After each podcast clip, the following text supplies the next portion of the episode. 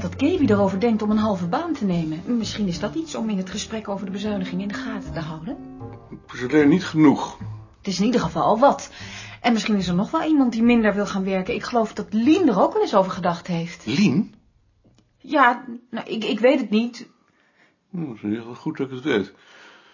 Dank je. Ik voel daar toch verdomd weinig voor, want op die manier hol je de afdeling uit en je moet maar zien wanneer je die uren weer terugkrijgt. Alsof dat geen eigen belang is. Dat zal ook wel eigen belang zijn. Als de kaarten zo liggen, dan kunnen we ons er toch beter niet tegen verzetten. We hebben toch al de naam dat we overal tegen zijn.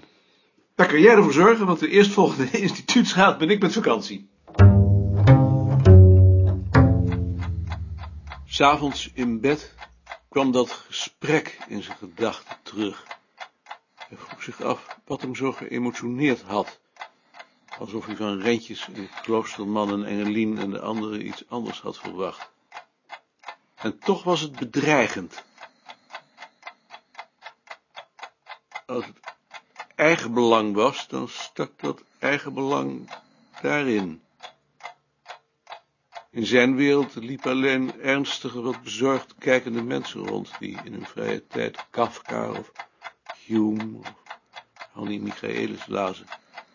En elkaar alleen aanspraken wanneer ze elkaar in het gedrang onbedoeld aanraakten. De rest mocht, wat hem betrof, tegen de muur.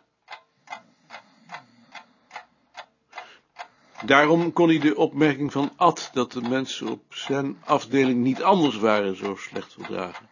Die waren te dichtbij. Hij geloofde het niet, al had hij bij sommigen twijfels. De overtuiging dat het tenslotte een kwestie van selectie was, was meer dan een overtuiging. Het gaf hem zekerheid. Het idee dat hij zelfs in zijn eigen kamer niet veilig zou zijn, was onverdraaglijk. De verdedigingslinie van Sien. Glimlachte en vroeg zich af of dat Siens vertaling van soortgelijke gevoelens was. Vervolgens betwijfelde hij dat weer, maar volstrekt onmogelijk leek het hem niet. Al moest er wel enig vertaalwerk gedaan worden.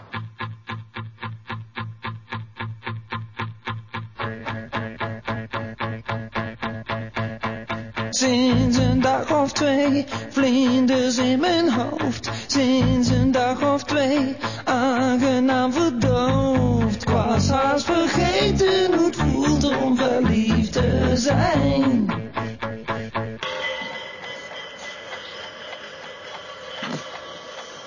Wat was dat? De vispan Wat ga je doen? ophalen.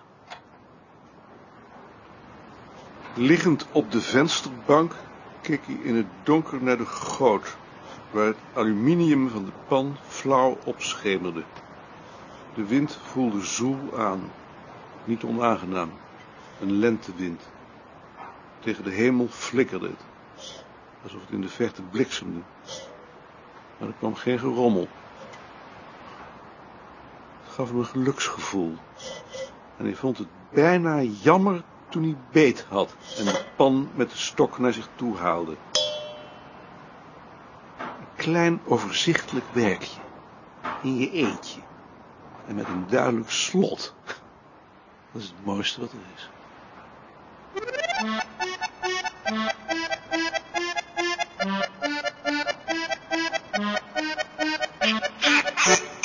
Dag Sien. Ha, Maarten. Hoe hebben jullie het gehad? Goed. Hoeveel hebben jullie gelopen? Ongeveer 400 kilometer. Jij bent verhuisd? Dat je je dat herinnert. Het zou heel bedenkelijk zijn als ik me dat niet meer herinnerde. Nee, zo meteen na je vakantie. Het is een mooi huis. Geweldig. Zoveel ruimte hebben we nog nooit gehad. En het is op de fiets maar zeven minuten verder.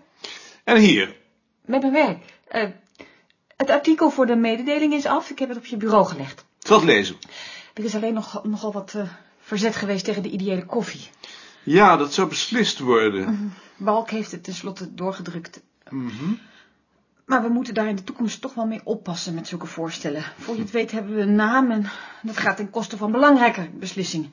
Hoe is het eigenlijk afgelopen met die bezuinigingen? De meerderheid wilde toch wachten op een vacature. Daar was ik al bang voor, ja. En als het iemand is die niet gemist kan worden, dan wordt er intern geschoven. Volksnamen wordt ontzien.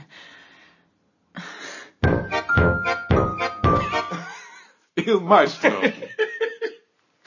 Hoe gaat het? Ja, goed. Goed? Ja, nee, helemaal niet goed natuurlijk. Ik schrok, ik schrok al. Zie, ik zal je artikel lezen. En, ehm Gert, eh, jouw artikel? Over het carnaval. Ik heb de drukproeven gehad. En hoe voelt dat? Ik heb het helemaal gemaakt. Beerta zei altijd dat je naam tenminste één keer per maand in de pers moest zijn. Doet er niet toe hoe. Dat zie je wel. Ik krijg alleen de kans niet. Je wordt beschermd tegen jezelf. Maar eh, gaat dus goed. Ja, het gaat wel goed. Hm. Hey, ik wilde je alleen vragen of ik niet ook archiefonderzoek mag doen. Voor het carnaval? Nee, dat doet Carla nou al. En Voor het hele verenigingsleven. En waar wou je dat dan doen? In een stuk of wat plaatsjes. Hm, kom maar met een voorstel. Ja. Hoe, hoe gaat het eigenlijk met Carla? Je bedoelt met haar werk? Ja, waar anders mee? Dat weet ik eigenlijk niet. Bespreek je dat dan niet? Moet dat? Jij zou haar toch begeleiden? Ja. Maar daar is nog niet zoveel van gekomen. Nee, eigenlijk niet. Dat moet je dan toch wel doen. Ja. Hoe is het hier? Ik dacht al, waar ben je? Eh, ik was bij Sien en bij Gert. En, hoe was je vakantie? Sneeuw, regen, maar verder wel goed. Sneeuw? Waar zijn jullie dan geweest? In de Provençaalse Alpen. Ik dacht dat jullie altijd naar Auvergne gingen. Ja, maar dit keer naar de Provençaalse Alpen.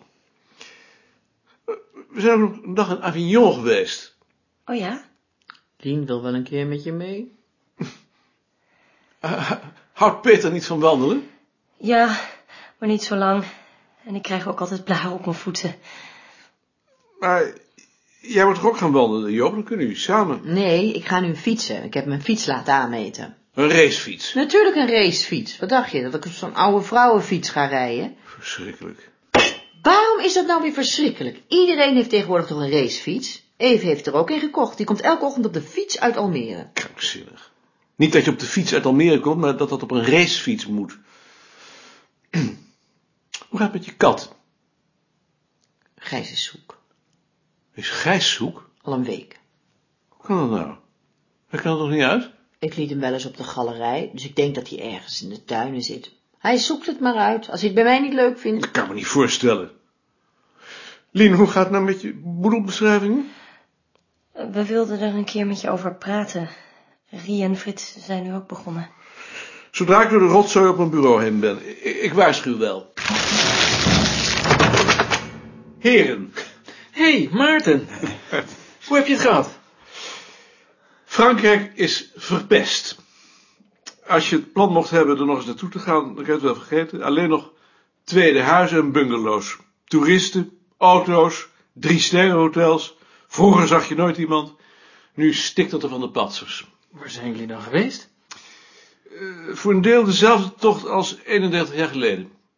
Dus 1950. Ik dacht dat jullie altijd naar Auvergne gingen. Ja, maar we wilden dit nog een keer terugzien. Het was verschrikkelijk. Was het zo erg? Erger. Vroeger kwam je in de late namiddag een doodstil dorp binnen. Alleen het klateren van de fontein op het plein. Naast de ingang van het hotel, de vrouw van het hotel die in de laatste zon bonen zat te doppen op een stoel uit het café. Verder niemand. Bij het eten wat mensen uit het dorp, aan de tapkast. Niets. Stilte. Uilen en het gefluit van padden. Nu staat het daar stampvol met dure auto's. Het dorpshotel is er niet meer. Dat had te weinig comfort. Alleen nog een drie-sterrenhotel met warm en koud stromend water, een douche en een wc op je kamer. Walgelijk. Nee. We hebben zelfs mensen met rugzakken ontmoet. Die zag je vroeger nooit, behalve wij dan. Nou, dat, moet je dan toch wel genoegen doen. Nauwelijks. Eh, ik hoor dat er gelazer is geweest over de ideële koffie. Wigbold heeft geweigerd om die te schenken. Balk heeft hem tot de orde moeten roepen. Maar ik kan dat wel begrijpen van meneer Wigbold. Ik heb er ook mijn bezwaren tegen. Waarom was dat? Ik denk omdat hij bij die DE-koffie zegels krijgt. En waarschijnlijk koopt hij ze ook nog goedkoper in dan hij in rekening brengt. En de andere afdelingen? De volksnamen was tegen, omdat zoiets een precedent schept. En volkstaal gedeeltelijk. Maar Balk heeft het tenslotte doorgedrukt. En de bezuiniging? Iedereen was voor het blokkeren van de eerste vacature, dus daar heb ik me maar niet tegen verzet. Balk heeft jouw voorstel om de bevorderingen te blokkeren nog wel even genoemd, maar er was niemand voor, behalve Jantje, geloof ik. En als de vacature verkeerd valt, moeten wij die opvullen. We moeten in ieder geval vast nagaan wie daarvoor in aanmerking komt. Niemand. Wie bij ons werkt, heeft bij ons gesolliciteerd en niet ergens anders. Ik denk niet dat je je daarop in deze omstandigheden nog beroepen kunt. We zullen zien.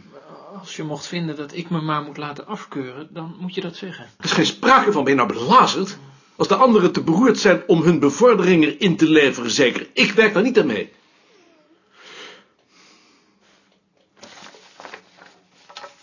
Is er eh, verder nog iets gebeurd? Zwart is ziek. Die is zwart ook weer. Een van de katten die we toen in de tuin van het hoofdbureau gevonden hebben. Dat is ook verdomd lang geleden. Wat heeft hij? Dertien jaar. Aan zijn nieren. Ja, dat krijgen oude katten. Jonas had het ook. Hoe is het toen ook weer met Jonas afgelopen? Hij werd steeds magerder en toen op een middag probeerde hij plotseling weg te kruipen. Begon hij heel klagelijk te schreeuwen. Het heeft een minuut of tien geduurd, toen stond zijn hart stil. Dan zou ik hem toch liever hebben laten inslapen. Nee, waarom? Zo gaat het toch? Zeg je dat dan ook bij mensen? Ja. Er zijn misschien wel uitzonderingen te bedenken, maar in zijn algemeenheid wel. Ja, dat ben ik wel met Maarten eens. Nou, ik niet. Als ik zover ben, dan mag je er een eind aan maken. Misschien is het ook wel lafheid. Ik ken iemand die vond dus een hond met een verpletterd achterlijf. Die heeft hij toen met zijn fietspomp doodgeslagen. En een vriend van mij draait olieslachtoffers gewoon een nek om. Ik zou dat niet kunnen. Ik zou dat toch geen lafheid willen noemen. Ik zou dat ook niet kunnen. Hoe je het dan ook noemt. Eens maar eens koffie drinken.